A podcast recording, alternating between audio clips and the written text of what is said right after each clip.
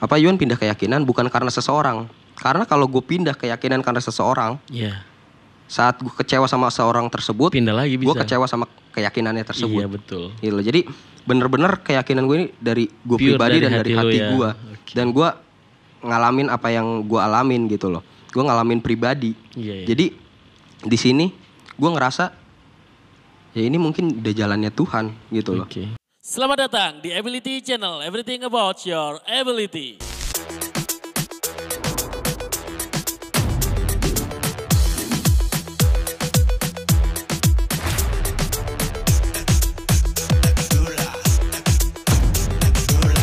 Ability Podcast. Halo Iwan. Halo brother. Gimana kabarnya sehat? Puji Tuhan sehat. Puji Tuhan. gue mau jawab ya, mau salam bingung gue nih. Gue mau ngomong assalamualaikum tidak diperbolehkan dalam agama gue. Mau ngomong salam takut dihujat sama netizen. Netizen maha benar. netizen maha benar. Tuhan aja kalah kadang-kadang sama netizen ya. Dan mereka itu lebih prioritas daripada merasa lebih prioritas daripada Tuhan itu sendiri gitu kan. Biasanya gitu. Biasa aja gitu. Mudah-mudahan netizen Indonesia bisa lebih baik lah. Iya. Amin. Amin apa amin nih? Aman. Amin. Amin. Gua mau ngund gua interest ngundang lu ke sini karena dapat info dari teman gua bahwa lu adalah seseorang yang maaf ya, lu murtad. Ya, Betul ya? Jadi lu sebelumnya agama Islam, betul. sekarang jadi agama Kristen. Kristen. Oke. Itu gimana ceritanya kalau lu sebelumnya jadi hamba Allah menjadi anak Tuhan sekarang? Itu gimana ceritanya? Boleh diceritain nggak? Kalau ceritain ya, jadi di awalnya itu emang sebelumnya itu keluarga gue itu multi agama, Multi agama. multi agama. Agama apa aja tuh? Jadi bokap gue Muslim, nyokap Oke. gue Buddha. Nyokap lu Buddha. Ya, dan Lu agama anak-anaknya tuh pas dari kecil Muslim semua. Oh semuanya muslim berarti ya? semua. Saudara-saudara lu muslim juga Ya, semua ya? Muslim semua, Oke. adik-adik gue Muslim. Dan ada di satu kejadian, gue waktu itu nginep lah di rumah teman gue. Oke. Ya nginep di rumah teman gue. Kebetulan dia ini pelayan gereja. Pelayan gereja. Ya, gue nginep di dia waktu itu malam minggu. Jadi minggunya kan biasa gereja kan. Oke. Gereja jadi dia iseng lah ngajak. Hmm. Besok ikut gue aja. Gue bilang Oke. ikut mana nih? Ibadah. Oke. Gua pribadi nggak masalah dengan itu karena Iya. dari kecil gua sendiri pun terbesar dari keluarga yang multi agama dan multi agama ya. keluarga dari nyokap pun banyak yang Kristen. Kristen juga. Jadi kayak ke wihara pernah, ke Pernah. gereja pernah. Jadi gua kayak ikut mereka ibadah ya No problem nggak lah ya, tidak ada masalah. no problem. Jadi ya udah gue ikut aja tuh. Oke. Gua ikut di saat itu selesai ibadah Hmm. gue ngerasa kok gue dengerin khotbah ada yang ngena gitu Oke. Apa khotbahnya waktu itu? wah gue udah lama juga Iya. sih itu ya udah lupa Kenanya tuh gimana sih? Rasanya gimana sih? eh, ngerasa di hati gue tuh kayak kok gue dengar khotbah Mm-mm. ada yang dapat gitu di hati gue Oke. pas gue selesai ibadah kayak ada yang dapat lah ada yang kena ke Merasa hati gue belum belum nyaman Oh, belum, belum. nyaman Kena doang, kena oke. doang kayak ada yang tek gitu loh Iya ya, gitu ya. jadi kayak oh iya ya Oke. bener ya gitu. oke. yang sebelumnya gua pribadi ya gua pribadi belum tentu orang lain kayak gua Hmm. kalau gua dengar ceramah nggak kena Ceramah ini maksudnya ceramah saat gua agama Islam? Muslim, ya. Oke. gua pribadi ya Iya. jadi netizen tolong ya Iya, ini kan pengalaman Ini pribadi. pengalaman pribadi. Bukan semuanya orang, belum tentu orang merasakan seperti ini. ya ini gua pribadi yang gua Oke. rasain gitu loh di satu sisi udah tuh ya udah biasa aja ibadah Hmm. besok besok ya udah nggak lagi kan Oke. ya udah di situ teman gue ya kayak ngajak lagi lah biasa Oke. gue nggak masalah ya saat gue lagi nginep di dia gue ikut Oke. sampai di satu sisi gue ngerasain satu masa satu titik itu gue ngerasa kalau minggu nggak gereja kayak ada yang kurang Oke. gue ngerasa di titik itu bro Ya, siap, siap, iya siap. gue ngerasa di titik itu kayak wah kalau minggu nggak gereja kok kayak ada yang kurang gue ada yang kurang Iya. gitu ya. Oke. kayak ada yang kurang dalam hidup gue gitu loh terus setelah gue ngalamin itu ya udah gue ngalamin sampai akhirnya gue waktu itu masih muslim kan Hmm. di saat itu gue masih muslim tapi gue gereja jadi di saat itu apa ya Dilema. mungkin dilema kegelisahan gue Iya, iya. iman gue gelisah gitu kan Oke. kayak Gelisah. gereja iya, sholat iya. Sholat iya. Oh ya ini, ini nih sebelumnya. Pasti kan maksudnya banyak nanti netizen yang bakal bilang lu itu mungkin tidak sholat aja lu tidak berdoa waktu lu muslim atau lu nggak taat waktu ibadah Ya, gimana? jadi- Ya banyak pasti pertama orang pada bilang kayak gitu. Iya. Tapi kenyataannya pas gue muslim, gue pun saat gue muslim, gue tuh muslim yang taat ibadah gitu loh. Lu menjalankan semuanya. Jalankan semuanya kayak sholat lima waktu, puasa bahkan puasa sunnah pun Senin Kamis. Lu lakuin? Gue lakuin. Oke. Terus kayak ngaji setelah sholat, Oke. segala macem gue lakuin gitu loh. Sampai ya gue ngerasa gue nggak bisa nih kayak gini gitu loh. Gue ngerasa gue harus tentuin, nggak bisa gue sholat iya, Ke gereja iya. Waduh, bingung gue. Tuhannya bingung nanti ini Nah. mau surga yang mana nih lu gitu. Padahal dalam gue mikir kan, wah gue berdoa dua Tuhan nih. Iya. Oke oke. Iya terus. Jadi ya di, gue ngerasa di titik itu sampai akhirnya ceritanya itu gue saat ibadah eh, kan biasa kalau gereja itu nyanyi ya puji-pujian, Puji-pujian. penyembahan gitu loh sebelum masuk ke firman Tuhan ke khotbah. Oke. Nah saat puji-pujian itu saat penyembahan nggak tahu kenapa air mata gue keluar. Oke. Gue netesin air Lu mata. tersentuh. Iya, dan di situ gue berpikir, gue selama ini nggak pernah kayak gini saat ibadah. Oke. Gue doa serius pun, gue doa khusyuk pun saat dulu nggak pernah sampai keluar air mata. Tapi saat gue lagi menyembah Tuhan, gue puji-pujian sama Tuhan, gue ngeluarin air mata yang di mana kalau air mata itu gue tahan malah makin kejer gue, Makan jadi. makin jadi air mata gue. Oke. Jadian situ dan setelah itu gue dapat mimpi bro. Mimpi. Iya. Oke. Gue mimpinya dapat mimpi tuh? jadi di mimpinya itu jiwa gue di antara Muslim dan Kristen. Mimpi lu di seperti mimpi itu. gue situ. Pokoknya Oke. kayak mimpinya ya abstrak gitu, tapi intinya itu kayak jiwa gue kayak lagi ditarik antara Muslim dan Kristen. Oke. Dan setelah gue dapat mimpi itu, gue dikasih sakit. Hmm. Gue dikasih sakit selama dua minggu dan sakitnya juga yang ya bukan sakit yang biasa lah. Kayak demamnya juga nggak demam biasa. Kayak misalnya kalau tipes kan paginya sehat, malamnya, Malamnya sakit. sakit. Oke. Nah, gue kebalikannya. Lu kebalikannya. Paginya sampai sore Sakit, malamnya, malah malamnya sehat. sehat. Itu selama Oke. dua minggu. Selama dua minggu. Selama dua minggu. Setelah mimpi itu. Setelah dapat mimpi itu. Oke. Dan gue habis mimpi itu sakit selama dua minggu. Pas sakit yang itu udah sembuh nih, tiba-tiba leher gue nggak bisa nengok bro. Oke. Leher gue nggak bisa nengok. Kebanyakan tidur kali lu. Kayaknya sih ya. Dulu Terus, zaman terus. kuliah itu. Jangan kuliah. Oke, terus. leher gue nggak bisa nengok. Buat nengok aja susah. Pas gue pegang di sini gue, di leher kiri itu ada benjolan. Oke. Itu selama tiga hari gue nggak bisa nengok. Oke. Akhirnya gue periksa ke dokter. Hmm. Gue periksa ke dokter. Dan di vonis sama dokter itu kelenjar getah bening dan harus operasi. What?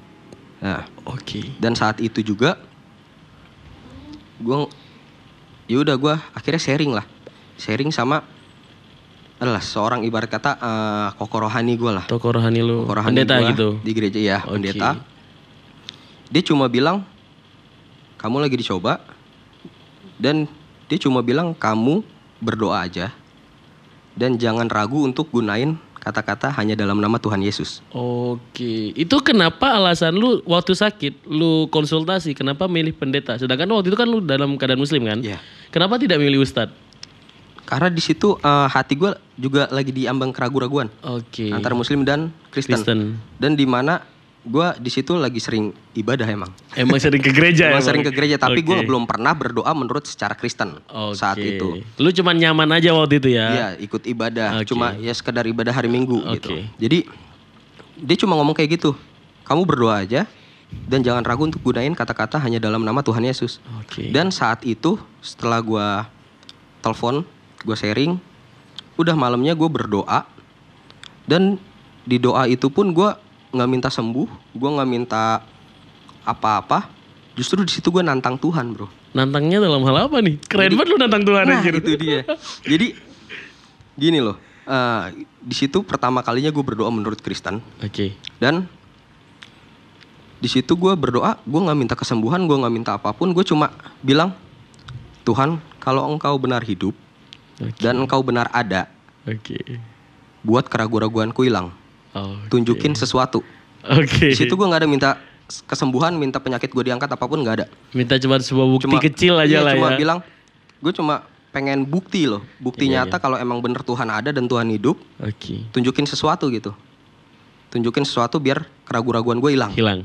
Oke. Nah, dan saat itu gue tutup hanya dalam nama Tuhan Yesus. Gue Sudah berdoa dan mengucap syukur. Haleluya, amin. Oke.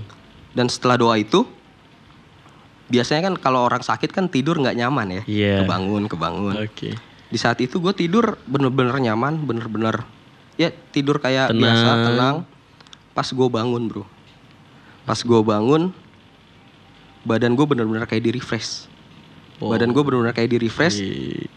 Tiba-tiba leher gue bisa nengok.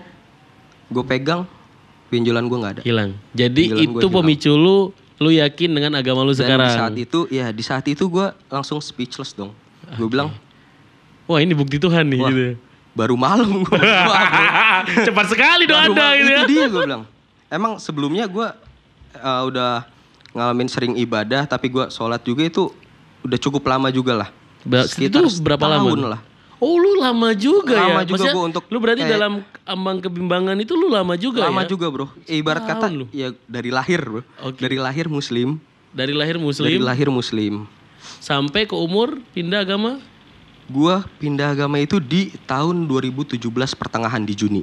tiga tahun yang lalu ya ya. Tiga tahun yang lalu. Berarti barusan. Sekarang lu umur berapa? Sekarang gua 24. 24 tahun. 24 Berarti lu 21 tahun jadi seorang muslim. Iya. Betul ya. 20 21 tahun jadi Oke. seorang muslim. Tapi gua interest lu maksudnya lu dalam agama bimbang itu dalam satu tahun itu bukan hal yang sebentar lu maksud gua. Itu berarti lu melakukan dua-dua dua agama itu. Maksudnya lu melakukan dua ibadah itu dan dua-dua agama. Iya gue saat di rumah ya gue sholat sebagai gue seorang muslim. kalau enggak ya bokap gue juga bakal nanya. iya iya iya. Enggak sholat-sholat lu Nah, karena kalau di rumah pun nih sholat berjamaah bro. Oke, Iya. berarti agama keluarga lu juga kuat juga Iya, ya. kuat juga, Menjalankan ibadah juga ya. Betul. Oke. Jadi ya gue di rumah sholat. Tapi kalau minggu gue dulu tuh alasannya latihan musik. gitu. Mau nggak mana main musik. gitu. Oke, Karena kan oke. orang tua tahu gue main musik. Oke oke. Tapi oke. kayak kan emang benar di gereja main musik. main musik, layanan. Gak bohong berarti Nggak ya. bohong. Oke. Jadi kan bener musik. Oke, bener bener bener bener. Jadi taunya musik musik gitu kan. Terus ya udah, gue ngerasa gue nggak bisa nih kayak gini. Sampai yang tadi kan gue dapet satu jawaban lah dari Tuhan. Oke. Gue bilang di situ gue bilang, oke Tuhan gue bilang. Oke. Gue langsung sempet diem tuh, diem sejenak. Gue bilang, oke Tuhan, kau bener ada dan kau bener hidup. Gue bilang, kau udah hilangin keraguan-keraguanku. Oke. Dan di saat itu nggak lama, gue ngeyakinin diri gue buat dibaptis. Untuk dibaptis. Untuk dibaptis. Di saat itu keraguan-keraguan gue hilang. Oke. Nah itu kan sudah dibaptis berarti di gereja yang lu biasa ke sana berarti Iya. baptisnya di situ. Dari awal di situ sampai sekarang. Dari lu dibaptis sampai lu mengaku ke keluarga lu itu udah berapa lama? Menyembunyikan agama lu itu agama baru lu itu berapa lama dari keluarga? Jadi awalnya itu gue sempat ada perbincangan lah sama nyokap. Ya biasa Oh, kan anak nyokap. cowok deketnya sama nyokap. Sama ibu. Iya. Ya, Oke. Jadi ngobrol lah sama nyokap dan nyokap mungkin ngerasa lah ya namanya anaknya beda.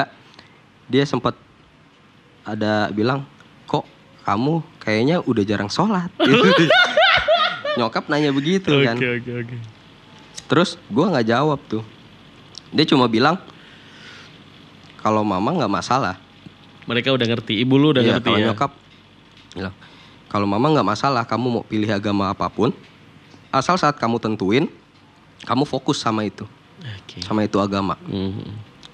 dan ya itu saat gua dapat mukjizat yang gue bilang sakit itu Iya iya iya. gue itu cerita ke nyokap dan di situ gue bilang sharing ke nyokap kalau gue mau dibaptis di situ nyokap belum setuju bro Oh nyokap lu gak setuju? nyokap gue nggak setuju walaupun nyokap gue bilang kayak tadi kan Iya, iya, nyokap iya. gue nggak Ya setuju karena kan agama itu hal yang sensitif banget loh, Ya. hal yang mendasar. Apalagi kita pacarannya yang gak disetujuin sama orang tua aja kadang-kadang berantem apalagi masalah agama Nah, gitu. itu loh. dia, masalah masalah heran gitu ya. kan. Iya. di situ nyokap bilang ya kamu jangan ikutan teman atau misalnya Oke, oke. kamu jangan misalnya ya baru ngerasain sebentar terus langsung mutusin untuk pindah keyakinan Oke. ya gue ceritain lah kalau gue sel- sebenarnya selama ini udah cukup lama dalam kebimbangan Gimana respon keluarga lu tuh? dan itu gue baru ke nyokap doang Belum ke bokap belum lu ke ya? bokap jadi di situ nyokap wah pas gua bilang mau dibaptis kayak gitu itu berdekatan mau Waisak bro. Sama mau Waisak. Oh karena mau nyokap lu Buddha ya? Nyokap gue Buddha. Oke. Dan saat mau Waisak, gue diajak nyokap. Ke wihara. Iya ya ke wihara. Nambah Tuhan lagi lu berarti. Nah terus sebenarnya dari kecil pun gue Udah biasa ya, eh. biasa ke wihara, diajak nyokap. Jadi saat itu kayak nyokap mungkin berpikiran eh, kamu pindah agama kenapa nggak ikut mama? Iya, karena kan Gitu. pilihannya sebe- sebenarnya cuma dua kan, Iya. kalau Buddha atau Islam gitu kan. Nah, dan gue di situ bilang sama nyokap, kalau misalkan hati Yuan ada di Buddha, Mm-mm. gitu loh. Dari dulu pun pasti Yuan bakal ikut ke Buddha. Ke Buddha. Karena dari kecil pun Yuan sering ikut kayak ya ibadah ke wihara Hmm. segala macam. Dan gue bilang hati Yuan bukan di Buddha. Terus gue bilang Yuan ikut.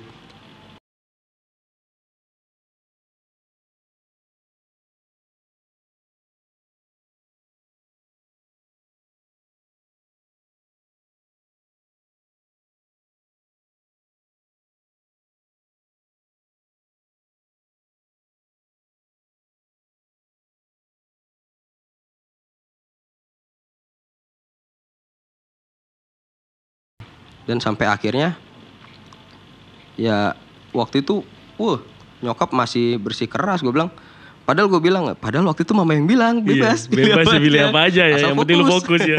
Eh tak diterima juga. iya dia bilang ya kalau misalnya pindah kenapa nggak ikut mama gitu iya, kan iya, iya. terus Mungkin pikiran mak lu tuh Gi, lu pindah agama tuh mau pindah ke agama malu ya gitu mungkin. begitu kan sampai dia pun bikin janji bro sama biksu atau bante gitu untuk gue curhat lah cerita Oke. biar mungkin gue terbuka atau Oke, konsultasi. Iya. Gue kabur.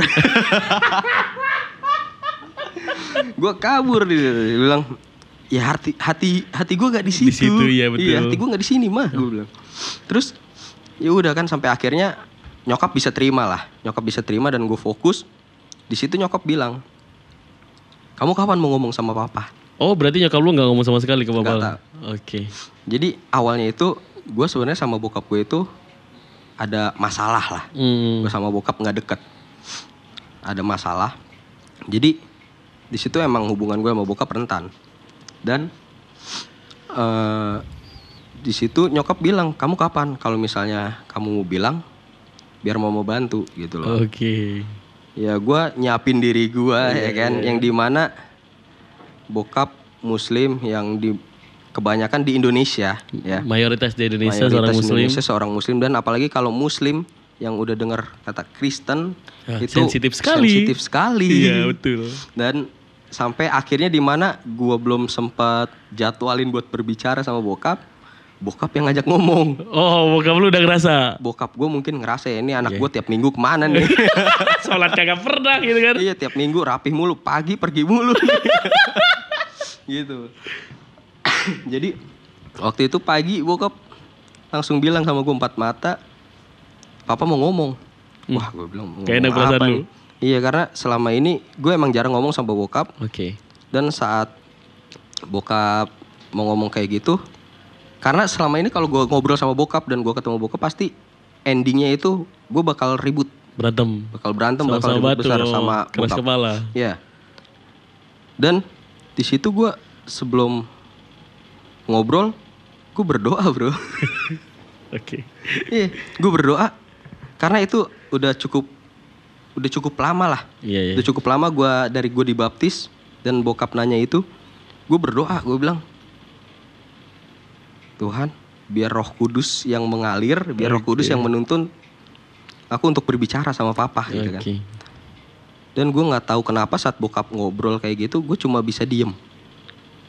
Tumben-tumbenan gue bokap Ngalah lagi ya? gitu, gue diem doang. Oke. Gue diem doang. Di situ, wah udah sampai akhirnya gue keucap cuma eh, beberapa kalimat. Pah, karena Yuan kenal Tuhan Yesus dan karena Yuan terima Tuhan Yesus dan Yuan percaya sama Tuhan Yesus, Yuan bisa maafin papa. Dan Yuan bisa terima papa kalau papa ini papa Yuan lagi. Oke. Dan di situ bokap gue juga nangis dan dia bingung kan. Dan di situ ya namanya bokap gue keras, Hmm. dia cuma bilang ya itu dia mau manggilin ya kiai atau ustadz bahkan gue sampai mau dikirim ke pesantren Oke. iya Dalam keadaan lu sudah dibaptis. iya jadi di satu sisi nyokap gue mau ketemu gue sama Bante dan biksu Sama biksu. bokap gue mau Pengen ketemuin gue. lu sampai mau ke pesantren. sampai gue mau di pesantrenin dan akhirnya bokap di situ cuma bilang kalau kamu emang udah yakin sama pilihan kamu ya udah tapi papa lepas tangan Lepas tangan dalam hal apa nih? papa nggak ikut campur dalam hidup kamu Oke. dan di situ gue ngerasain yang ya di mana kebetulan rumah gue itu jadi satu pagar tapi ada beberapa rumah dan rumahnya itu tuh kebetulan keluarga dari bokap, Bokap. semua Yang seorang muslim ya. yang seorang ya. muslim dan di situ saat bokap udah tahu gue pindah dia bilang ke saudara-saudaranya dan di situ gue ngalamin yang didiemin yang nggak dianggap jadi kalau misalnya lagi Dikucilkan lu berarti. Iya, gue dikucilkan, gue ngerasa gue ngalamin itu dan sampai benar-benar kayak walaupun lagi kumpul keluarga, gue lagi ada di situ, gue nggak diajak ngobrol, Dianggap- gue nggak dianggap gak ada berarti. Gue ya? benar-benar kayak udah nggak ada gue, Oke. gitu. Sampai akhirnya di mana di titik gue diusir dari rumah, Lu sampai diusir dari rumah. diusir dari rumah karena benar-benar bokap gue lepas tangan dan nggak mau ikut campur. Yang ngusir lu tuh siapa? Bokap, Bokap lu yang ngusir. iya. Oke. Dia bilang, ya udah kamu kalau udah yakin, serah. Kamu sekarang tinggal mau ikut siapa? Ikut temenmu yang sama atau saudara-saudaramu? Iya. Gua sih maksudnya gua ngelihat dari sisi karena gua seorang muslim ya. Iya. Gua ngelihat seorang muslim, gua ngelihat sisi dari bokap lu. Mungkin kekecewaannya bener-bener kecewa itu. Iya. Karena lu tahu sensitif yang lu bilang tadi kalau orang muslim dengar orang kata-kata murtad, kan itu murtad itu sebenarnya istilah ya. Orang yang pindah agama dari Islam ke agama lain. Pasti itu sensitif sekali dan itu pasti sakit sekali. Sensitif banget. Terus gimana setelah lu diusir dari rumah? Jadi ya di situ apa ya dia berpikiran gue bisa pindah gini tuh mungkin karena pergaulan Temen gua, lu. karena temen gue atau ya karena yang lain-lain lah ada yang ngajak-ngajak gue padahal dalam hal lain ya dari gue pribadi gitu gue yang gue alamin pribadi sampai akhirnya gue diusir kayak gitu ya dia bilang kan karena yang di mana di keluarga bokap gue tuh gue anak pertama dan gue cucu pertama Oke. Di situ, Putra mahkota lu berarti Iya. ya.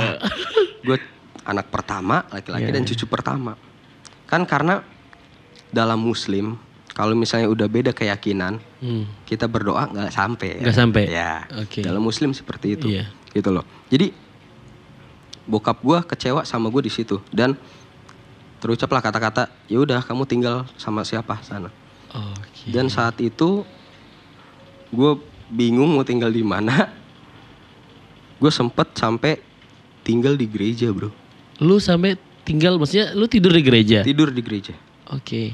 tidur di gereja itu hampir setahun ada setahun Wow. Lama sekali ya. iya gue itu, itu keluarga lu gak nerima lu sama sekali dalam setahun itu. nggak cuma gue kontekan sama nyokap gue doang Tapi lu nggak pulang sama sekali dalam setahun itu. gue kalau pulang pun paling kayak cuma malam-malam ke rumah ya udah store baju kotor Oke. ambil baju baru Lu tinggal dan gereja lagi. nyokap gue ke gereja lagi Itu gak ada bokap lu waktu itu. bokap udah tidur Udah tidur. iya Oke. bener-bener malam kayak jam 12 jam 1 Iya sih, itu ya bingung juga ya. Maksudnya gua jadi orang tua lu juga pasti sakit ngerasain sama. Iya. Gua ngerasain lu juga karena gua tahu rasanya keluar dari rumah itu seperti apa dan itu sebenarnya yang bikin sakit itu bukan dari keluar dari rumahnya, brother. Sebenarnya ya. Kalau menurut gua sakitnya itu ketika lu gak dianggap sama keluarga lu. Iya. Itu sih yang paling sakit menurut gua sih. itu yang apa ya sampai di situ gue bingung wah gue mau tinggal di mana nih awalnya gue nginep di rumah temen gue gue nginep di rumah temen gue tapi kan gue pikir gue nggak bisa setiap hari di rumah temen gue nggak enak dong Oke. sama keluarganya sama Oke. nyokap bokap temen gue Hmm. dan akhirnya ya gue cerita dan beruntungnya puji Tuhannya itu gereja Menerima lu. menerima gua dan bilang yaudah tinggal sini aja dan di situ banyak banget justru saat gua tinggal di gereja itu lebih banyak lagi ilmu yang gua dapat lebih banyak lagi pengalaman yang gue dapat selama gue Oke. di gereja itu.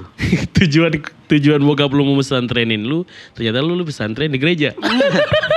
itu dia. Oke. Nah, maksudnya lu gimana? Ketika lu didiskriminasi sama keluarga lu, maksudnya lu dikucilkan lah. Wajar itulah karena itu kan keyakinan ya, hal yang mendasar. Keimanan lu terhadap Yesus itu seperti apa? Apa justru lu berpikiran, oh ini ujian atau lu berkurang keimanan lu sama Yesus atau gimana? Gini bro, sebelumnya sebelum gue untuk meyakinkan lagi diri gue untuk dibaptis dan untuk terima Yesus, gue mendengar kata-kata, gue mendengar suara, kamu yakin mau ikut aku? Kamu yakin mau jadi pengikutku? Ikut aku tuh nggak enak. Itu dalam mimpi atau bisikan? Bisikan. Bisikan, oke. Gue ngerasa di situ atau gue yang halu iya, atau iya, apa? betul, betul. Nah, Di situ ada kata-kata itu jadi kamu yakin mau ikut aku? Ikut aku tuh nggak enak. Oke. Justru Tuhan pun bilang kayak gitu. Kamu yakin mau ikut aku? Ikut aku tuh nggak enak. Itu yang menguatkan lu bahwa ya ini Justru- oke ujian gitu ya. Mungkin ya karena apa ya? Balik lagi ke iman seseorang ya. Iya betul. Kalau misalnya orang itu nggak kuat saat dia dapat omongan kayak gitu justru dia malah makin ragu. Iya betul. Karena kebanyakan gini loh eh, logikanya. Saat kita misalnya gue mau ngajak lu Hmm. eh, ke satu acara, Oke. gue pasti bilangnya yang baik-baik dong. Ya, itu di acara ini ntar enak, enak nih gini, gini. seneng-seneng kita di situ. Nggak mungkin kan ya. gue bilang, weh ntar di sini lu bakal susah. Iya iya betul Lu betul. di sini ntar ngegembel lu. Iya iya betul betul betul. Siapa yang mau orang susah Siapa ya? yang mau kayak gitu kan? Iya, justru oke, lu malah, oh nggak nggak jadi ikut malah. Oke. Tapi di situ gue justru malah yakin. Gue bilang, Tuhan udah ngomong gitu, dan gue udah dapat tanda nyata dari Tuhan. Oke.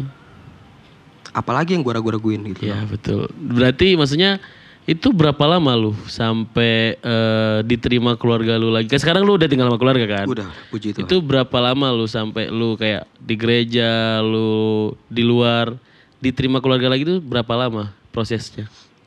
Jadi gini, saat gua ngerasa dikucilin, gua didiemin sama keluarga gua, gue cuma berpikiran satu.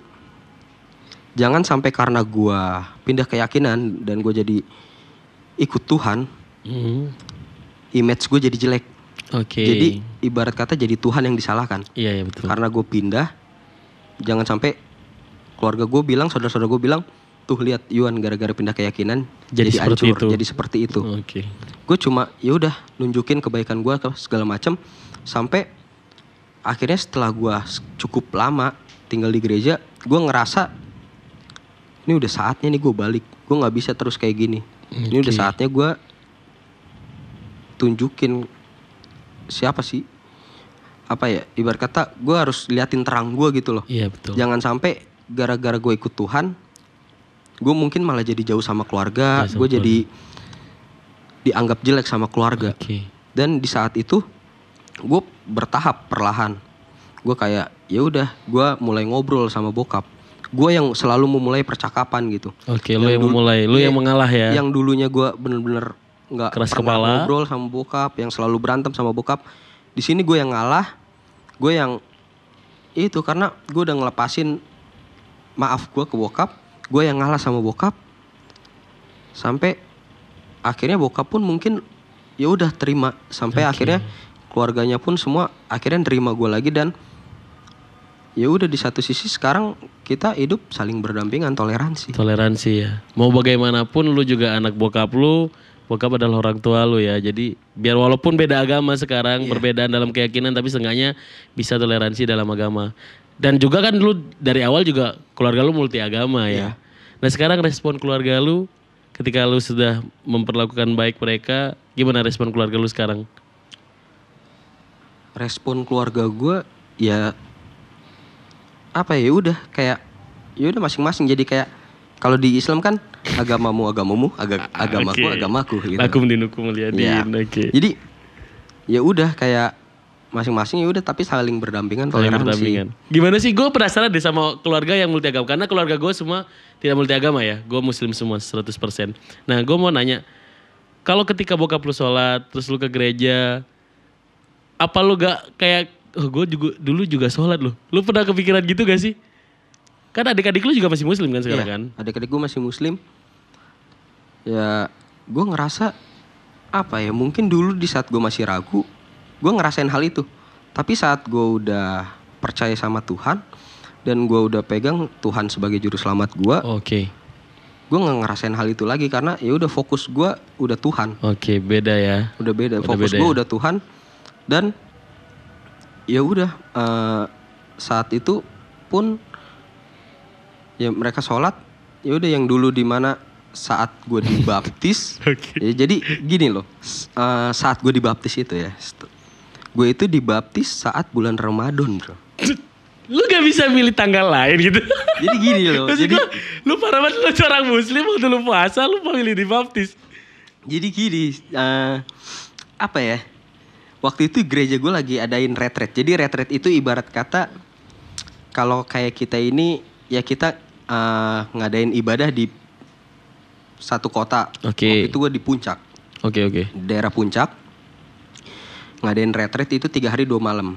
Dan di gereja gue itu eh, saat retret itu di retret hari terakhir itu ada pembaptisan. Oke. dan di situ gue kayak nggak mau nunda lagi untuk dibaptis dan gue langsung daftarin diri gue Langsung daftarin diri. langsung diri daftarin diri gue dan situ pun gue bingung bro untuk izin ke bokap ya apalagi namanya lagi Ramadan bulan ya. puasa Sensitif mau sekali. iya bulan puasa mau pergi-pergian oh gue bingung izinnya ke mana gue Iya, iya, iya, namanya iya. lagi bulan puasa ya Iya. kan karena di situ ya udah jadi gue dibaptis itu seminggu sebelum lebaran. Seminggu sebelum lebaran. seminggu sebelum lebaran. Oke, terus? Dan di situ nyokap bokap gue belum ada yang tahu gue udah dibaptis. Belum ada yang tahu. belum ada yang tahu. Berarti lu sempet Idul Fitri sholat Id juga berarti? iya jadi gini gue sampai gue sampai nanya bro ke kok rohani gue lah ke pendeta ya. Kok nanti gimana nih kan udah dibaptis Oke. terus minggu depan lebaran sholat Sholat Id. Gak Ntar mungkin bisa bohong dong. aku gimana terus dia bilang ya udah kamu lakuin aja sama seperti ya kamu saat sholat id biasa tapi fokus kamu ke Tuhan Oke. gitu karena ya dalam Kristen ya kita menyembah Tuhan kita beribadah sama Tuhan cara bagaimanapun bisa bro Bisa sampai. Kalau di Kristen. iya Berarti tidak ada tata caranya. nggak ada waktu Oke. nggak ada arah pokoknya kita yang penting fokus kita sama Tuhan Oke, walaupun itu gimana cara tata caranya beribadah Iya. seperti apa nah ya? itu di saat itu ya gue ngelakuin itu dong Lu sholat takbir. sholat gue ngelakuin gerakannya tapi fokus gue ke Tuhan gue nggak gue udah nggak ikut doa doanya lagi. Iya, berarti lu udah gak ada feel-nya sama sekali tuh ya. iya tapi fokus gue ke Tuhan tapi gue cuma ikutin gerakannya. Ikutin gerakannya. dan ya kita tahu abis Lebaran Idul Fitri ada Idul Adha kan dekat. Iya betul, dua bulan doang. nah di situ gue mikir lagi kan. Sholat lagi ada yang tahu kan. Sampai akhirnya ya udah gue cari cara gue nginep akhirnya di rumah teman gue malamnya. Idul Adha pas Idul Adha. iya saat malam takbirnya takbiran malam Idul Adha gue nginep di rumah teman gue gue balik ke rumah tuh siang alasan gue kesiangan Kesiangan. padahal sengaja Tidak sholat berarti ya. biar menghindari karena gue bingung kan Iya iya Bi. dilema juga sih ya. Dilema juga. Aneh juga sih ya. Kayak gue maunya suruh sholat dengan tata cara gereja ya aneh juga sih. iya itu dia jadi ya apalagi yang gue baru pindah ya gue bingung harus kayak gimana iya, iya betul betul. me- apa ya Melakukan Me- sesuatunya itu gimana diri caranya? gue tuh kayak gimana gitu Iya, iya, memposisikan diri gue di saat itu Iya iya iya. Nah yang ngajak lu untuk ke Kristen tuh berarti teman lu itu ya? kalau untuk ke Kristen itu dari diri sendiri bro Iya dari di sini. Maksudnya Ah. yang mengenalkan yang ngajak lu ke gereja itu berarti te- teman lu ya? iya Treatmentnya itu seperti apa sih? dia cuma ya udah cuma iseng ngajak aja bro ya daripada lu besok sendirian di rumah Oke. besok ikut gue aja ke gereja Ya karena lu juga terbiasa juga dari karena dulu gue ya kan. terbiasa dari kecil ya ke wihara oke ke gereja oke tapi di satu sisi ya dari dulu pun gue muslimnya ya kuat juga Iya iya, lu melakukan ibadah juga ya. Iya. Gue mau nanya deh sekarang. Seyakin apa sih lu dengan agama lu sekarang gitu? seyakin apa seyakin saat gue mutusin untuk diri gue dibaptis gitu loh jadi Oke. saat gue mutusin diri gue untuk dibaptis gue bener-bener udah nggak ada ragu-ragu lagi gue udah nggak ada yang apa ya ke kelabilan lagi nggak nggak ada kebingungan lagi. Di saat itu gue benar-benar yakin kalau Tuhan juru selamat gue dan saat itu pun gue ya udah gue baca Alkitab. Dari situ pun gue dapet hikmat dari Tuhan gue dapet pembelajaran sendiri dari Tuhan. Karena gini loh saat kita gereja pun ya kalau fokus kita nggak ke Tuhan hati kita juga bakal kena bro Iya ya, gak tentrem Jadi- juga ya. Iya, jadi gak husul lah kalau dalam bakal Islam ya. dapet apa yang Tuhan mau dalam kehidupan kita Oke, gitu berarti, sedangkan berarti lu sekarang udah menerima apa pun yang diberi Tuhan, itu anggap lu itu ujian atau Iya. hikmat dari Tuhan. karena gue ya? percaya kalau di gua itu Oke.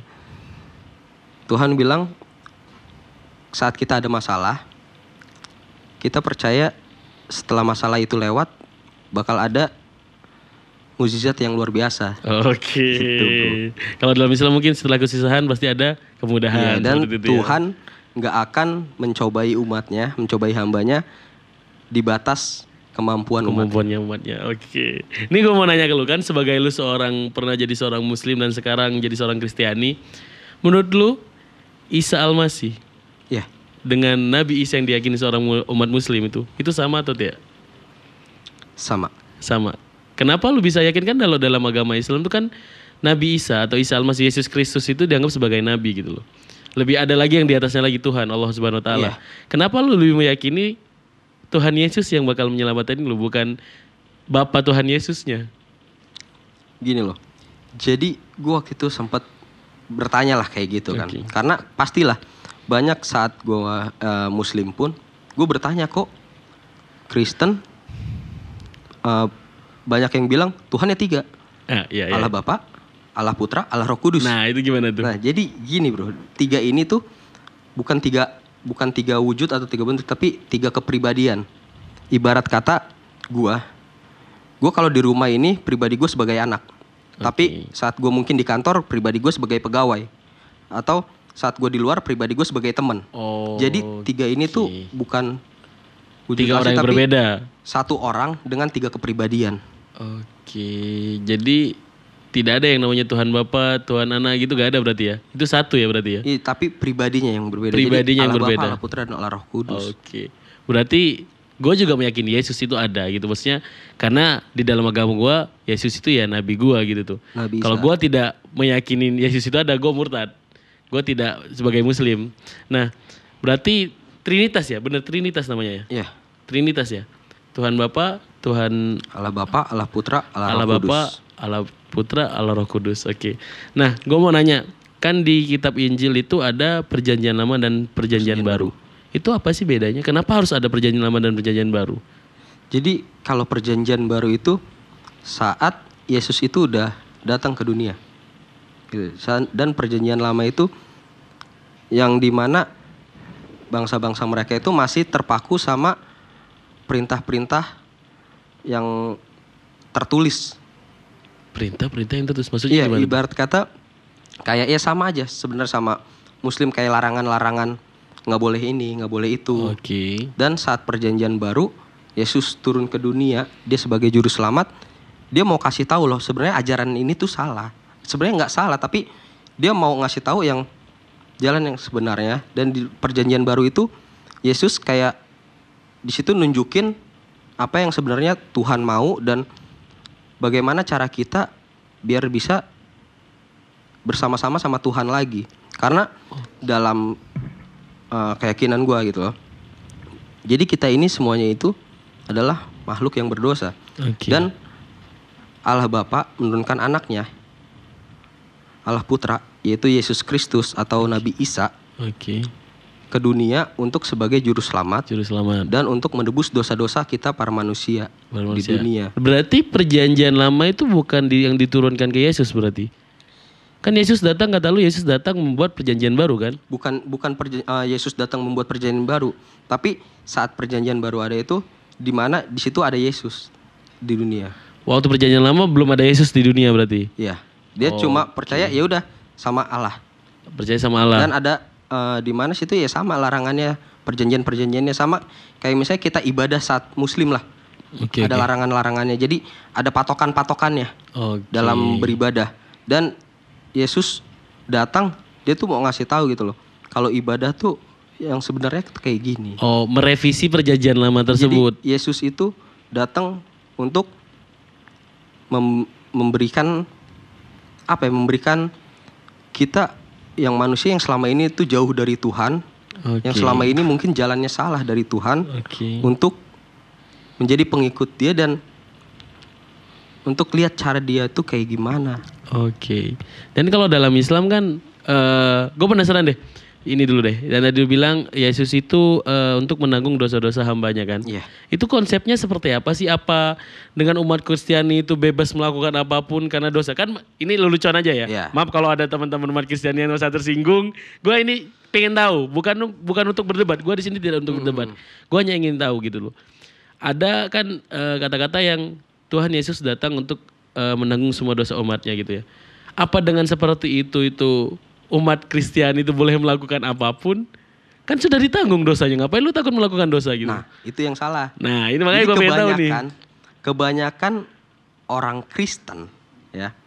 Orang Kristen yang mungkin dia merasa udah punya juru selamat, Eh, ya itu. dia udah merasa punya juru selamat, dia bebas melakukan apa pun. Padahal di Alkitab pun ya di Alkitab pun di situ tertulis ya bahwa ya dosa kita udah ditebus dan diri kita bukan kita lagi, melainkan diri kita adalah bait Allah dan sucikan Allah melalui diri kita. Oke. Jadi kita yang udah lahir baru ibarat kata lahir baru itu jadi orang yang sudah dibaptis itu lahir baru.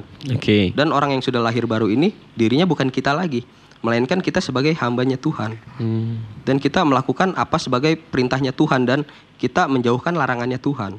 Jauhkan larangannya Tuhan. Iya, bukan ibarat kata, ya gue dulu juga sama berpikiran, wah kok Kristen kayaknya Enak bebas ya. ya, Bebas enak ya. gitu. Boleh melakukan apa pun gitu ya. Ibadah seminggu sekali. Iya, betul, betul, Pas gue ngalamin, setiap hari ada. Setiap hari ada ya berarti ya. Bukan berarti bukan cuma seorang muslim yang melakukan ibadah lima hari lima kali sehari ya berarti ya. Iya, jadi Kristen juga tiap hari ada Iya, ibadahnya mungkin berarti ya. Kayak misalnya kita kalau pagi Muslim itu ada sholat subuh Oke. atau ada yang lebih pagi lagi dini hari itu tahajud. Tajud. Nah, kalau di kita itu saat teduh. Saat teduh. Saat teduh itu di mana diri kita itu berbicara sama Tuhan, kita berbicara sama Tuhan, kita berdoa. Yang di mana sebelumnya kita ya menyembah Tuhan dulu, kita memuji Tuhan. Di situ baru kita baca firman Tuhan, kita maknain apa firman Tuhan dan Tuhan mau bicara apa sama kita sambil kita sharing sehari ini kita ngapain, Ngapain aja. aja. terus kita bersyukur sama Tuhan apa yang udah Tuhan perbuat sama kita dalam satu hari ini gitu. Oke. Jadi kalau dulu gue berpikir, wah enak ya jadi Kristen, gereja, ibadah cuma seminggu sekali hari Minggu Iya, doang. Iya, betul. Ternyata tidak bro. Tiap hari ada ya. Sebelum pandemi ini, wah ibadah hampir ada setiap hari sih. Hampir ada setiap hari ya. Nah, maksudnya gue gue belum masih belum dapat jawaban dari maksudnya untuk apa orang melakukan kebaikan gitu loh. Kan bait Allah ya. Maksudnya orang yang sudah dibaptis itu lahir kembali dan menjadi bait Allah gitu ya. Nah, kata-kata dari ditanggung dosanya itu dari mana? Ini jadi ditanggung dosanya ini saat kita lahir baru, kita ini bukan diri kita lagi, melainkan kita ini adalah eh, kita diri kita yang lama harus diting- eh, ditanggalkan dan kita menjadi diri pribadi yang baru yang di mana kita sebagai pengikut Tuhan Yesus Harus mengikuti harus aturannya. mengikuti aturan Tuhan Yesus dan di mana kita ini menjadi segambar dan serupa dengan Tuhan Yesus Oke. dan ya nggak mungkin dong Tuhan Yesus masa malam minggu Melakukan clubbing Oh, iya. Oke, oke, betul. Oke, oke. Nggak mungkin bro Iya berarti. Kalau orang itu mengikuti agamanya, aturannya mungkin benar semua ya berarti. Iya. Mungkin karena oknum-oknumnya ya, karena Iya, karena- manusia ya. kebanyakan apa ya kalau di kita tuh di Indonesia tuh oknum sih Oknum ya yang berarti ya. ngerasa ya mungkin dia belum punya pengetahuan yang lebih dia belum Oke. ya belum dapat karena gini loh Kristen itu kalau menurut gue pribadi ya bukan satu agama jadi Tuhan Yesus datang ke dunia itu bukan membawa agama tapi membawa keselamatan dan gue bukan sebagai ibarat kata Kristen ini cuma ya udah untuk di KTP atau untuk agama Oke. nama jadi ya kalau dibilang gue pengikut pengikut Tuhan Yesus Berarti lu bicara kalau Kristen itu bukan sebuah agama berarti. Kristen agama tapi bukan sebenarnya eh, bukan apa ya bukan agama yang untuk diumbar-umbar atau sekedar kayak misalnya Tuhan Yesus sebenarnya ke sini tuh bawa-bawa Kristen. Tuhan Yesus itu Kristen, Kristen, Kristen. Banyak kan orang kayak gitu kan. Iya. Tapi sebenarnya Tuhan Yesus ke sini tuh datang itu bawa kabar baik, bawa kedamaian, bawa sukacita dan orang yang Kristen belum tentu jadi pengikut Tuhan. Tapi orang yang udah ngikut Tuhan udah pasti, Oh. Udah pasti jadi Kristen. Kristen. Berarti Tuhan Yesus datang ke dunia ini bukan membawa agama ya, Iya. bawa pedoman-pedoman hidup begitu seperti itu ya menurut lu ya. Iya. Oke, gue mau nanya deh, konsep dalam Kristen itu tentang surga dan neraka seperti apa? Contohnya kayak gini, kalau dalam Islam, di dunia lu melakukan kesalahan, ganjarannya adalah neraka atau dosa kan? Nah kalau lu melakukan kebaikan, lu masuk surga. Gue pernah dapet, eh gue sering diskusi masalah agama dengan temen gue yang Kristiani, dia bilang kalau dalam Islam itu, Bill, eh, orang yang baik melakukan kebaikan masuk surga, yang melakukan keburukan masuk neraka. Nah, tapi kalau di Kristen berbeda. Jadi orang itu sudah ditentukan masuk neraka atau masuk surga gitu. Jadi walaupun lu, jadi kalau lu melakukan kebaikan di dunia itu representasi dari eh, lu masuk surganya, di- karena ditentukan dari awal. Kalau Islam kan tidak ditentukan dari awal kan. Nah kalau Kristen itu ditentukan dari awal, itu benar apa enggak? Jadi gini loh, kalau di Kristen itu ada sistem tabur tuai. Apa yang kita tabur itu yang kita tuai. Oke. Gitu loh. Dan di Kristen itu nggak semata-mata mentang-mentang kita bilangnya udah ada juru selamat dan kita bakal selamat. Enggak, itu semua tergantung apa yang kita tabur selama kita hidup di dunia Oke. dan apa yang kita lakuin di dunia gitu. Dan walaupun dia berbuat baik, tapi kalau dia berbuat baiknya bukan fokusnya ke Tuhan, Tuhan pun bilang di Alkitab ada Ada berarti ya. di Alkitab pun ada Tuhan bilang ya walaupun kamu berbuat baik menggunakan namaku apa segala macam tapi fokusnya bukan ke Tuhan kayak untuk membanggakan diri sendiri. Oke, ria, Tuhan, ria kalau ya. Tuhan nggak akan anggap dia. Oke, berarti ada surga dan neraka di dalam Kristen berarti ya. Ada sama. Oke, sekarang gue mau nanya sebagai lu seorang mantan muslim gitu. Apa pandangan lu muslim sekarang? Pandangan gua, Ya. Pandangan gua Muslim apa ya? Kalau sebenarnya semua agama itu baik ya. Nggak ada nggak ada agama yang ngajarin kejahatan atau keburukan. Semua agama mengajarkan kebaikan. Ya karena kebanyakan oknum ya oknum-oknum tertentu yang membuat atau mencoreng nama keyakinan tersebut jadi jelek Oke. gitu loh. Gua nggak per, gua dari dulu karena gua hidup dari keluarga yang multi agama pun gua selalu open minded tentang semua keyakinan. Oke. Berarti menurut lu agama Islam tetap benar? Ya menurut gua semua agama baik. Ya udah. Karena lu bilang agama Islam benar, kenapa lu pindah dari Kristen? Pindah ke Kristen maksud gua. Karena gua bingung aja ketika ada orang yang bilang eh, semua agama itu benar, lalu kenapa ada orang yang memilih agama gitu maksud gua? Nah, keyakinan dia. Keyakinan berarti ya. Keyakinan dia mana yang menurut hati dia itu yang paling benar. Yang paling benar. Yang paling benar dan apa yang dia yakin dan dia alamin. Berarti Karena tidak ada yang salah ya. Yang paling benar Dan berarti ya. Di sini itu apa ya? Kalau gue bilang pribadi lepas pribadi nggak bisa kita bilang satu keyakinan tersebut lebih benar, satu keyakinan tersebut lebih bagus. Iya betul. Ya kalau pribadi kitanya juga hancur, Iya, percuma bro. Sama aja ya. Sama aja. Sama aja masuk-masuk neraka juga gitu Iya. ya. Oke. Nah, gua pernah dengar kan kalau di Islam kan eh, dakwah, ada dakwah kan. Hmm. Gue juga pernah dengar kristenisasi. Kristenisasi itu sebenarnya seperti apa sih? Kristenisasi kalau Kristenisasi itu ada kan? kalau gue pribadi ya karena apa ya gue walaupun udah cukup lama dan gue nggak nggak ikut campur dengan urusan-urusan yang kayak eh, di Indonesia itu apa yang jadinya terjadi banyak konflik gue nggak nggak mengurus ke situ sih jadi kayak misalnya kristenisasi atau apa pun itu gue kayak udah nggak gue fokus aja Tuhan ibadah ibadah Ya berarti lo Jadi, tidak mengikuti kristenisasi. kayak gitu-gitu itu. gue nggak nggak ngikutin dan gue juga nggak nyari tahu sih Berarti lo belum tahu kristenisasi itu ada apa tidak? Gue nggak tahu. Gak tahu berarti lo ya. kalau gue pribadi gue nggak tahu. Karena gue menutup diri untuk itu karena ya kebanyakan dari situ ya banyak timbul konflik. Ya betul. Karena menurut lo agama memeluk agama apa pun itu adalah hak manusia ya. hak manusia. Nih terakhir nih. Kan pasti kalau di Indonesia nih karena mayoritas Muslim, ya orang pasti kalau sensitif sekali nih. Kalau kalau ada yang pindah dari Islam dari Kristen ke Islam mungkin wah selamat datang Yahi dan lain-lain ya. Selamat datang di keluarga kerajaan Tuhan dan lain-lain gitu ya. Maksudnya kalau ada yang pindah dari Islam ke Kristen itu kan pasti menimbulkan konflik. Apa pesan untuk masyarakat Indonesia nih agar mereka paham bahwa keyakinan itu adalah hak pribadi adalah hak asasi manusia. Jangan dikucilkan karena lu udah merasakan dikucilkan Iya. kan? Apa pesan lu untuk masyarakat Indonesia nih?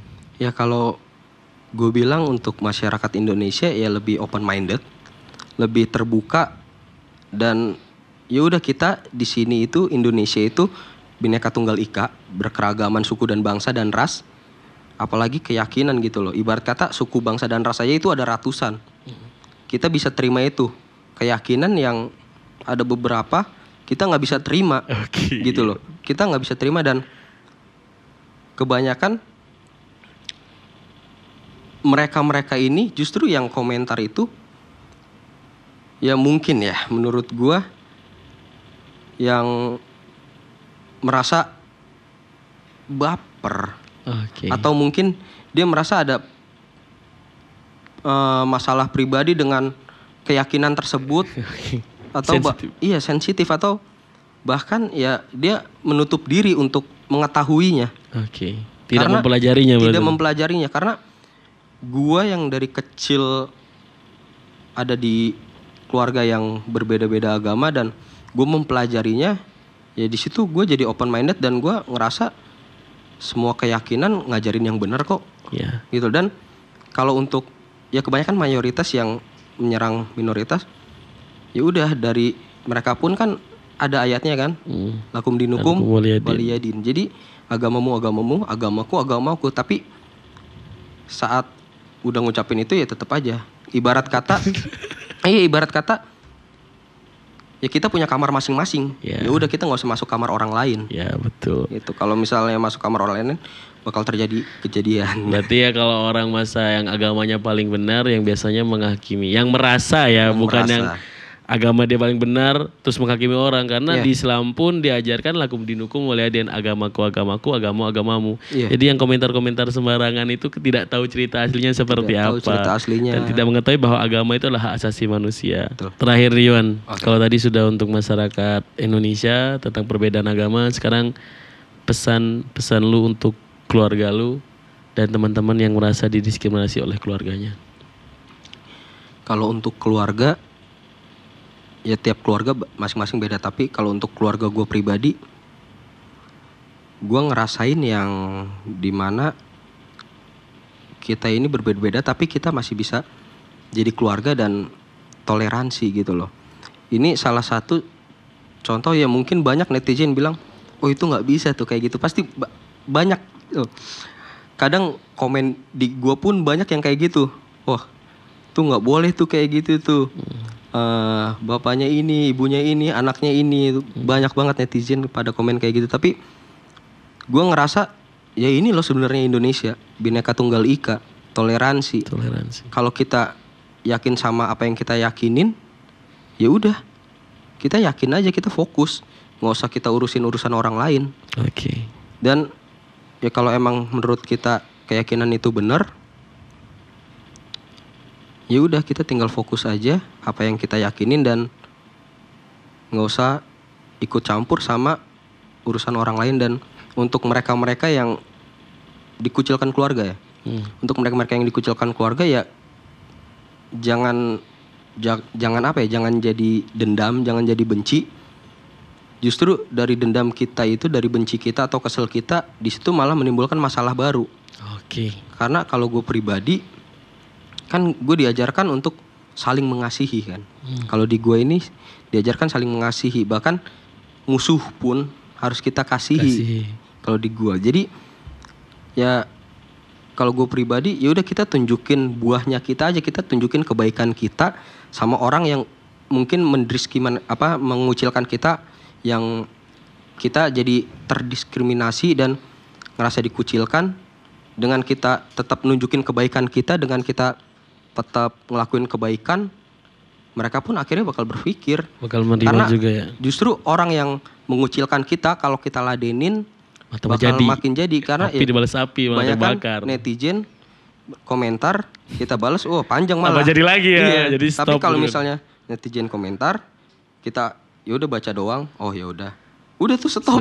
Gak bakal lanjut Gak ya? bakal lanjut. Oke, artinya Jadi gitu. kalau ada orang yang jahat sama lu, berbuat baiklah kita gitu tetap kan. berbuat baik kita tunjukin kebaikan kita aja toh ntar tuh orang bakal capek Ngerti. sendiri dan Betul. bakal ngerti oh kok dia gue jahatin gue inin kok Gak dia malah ngerespon, kayak gini ya Iya, apa iya. sih Iya, iya. iya. gitu loh Oke, oke. Semoga Iwan, makasih banget gua dapet Wah bukan, kalau gua bilang pencerahan, nanti gua bilang keluarga gua menghujat gua, tidak. Maksud gua, gua dapat pengalaman baru dari cerita Iya. lu, dari seorang yang dulunya seorang muslim ke Kristiani sekarang gimana diskriminasi keluarga dan akhirnya sekarang keluarga bisa nerima dengan cara treatment lu yang baik. Mudah-mudahan banyak masyarakat Indonesia sekarang bakal menerima lagi perbedaan karena Indonesia ini bukan cuma negara mayoritas apa bukan negara orang Islam semua ya. Iya. Bineka Tunggal Ika yang dibilang Ika. kan perbedaan tapi tetap satu jua ya. Mudah-mudahan keberagaman ini tetap dijaga kemesraannya. Orang Indonesia bisa open minded dengan hal seperti ini. Jangan cuma mencaci, pelajari lagi karena orang yang beragama sesungguhnya nggak bakal menghujat orang lain Iya. ya. Terima kasih teman-teman jangan lupa like, share, subscribe because this is ability everything about your ability. Thank you, Yuan.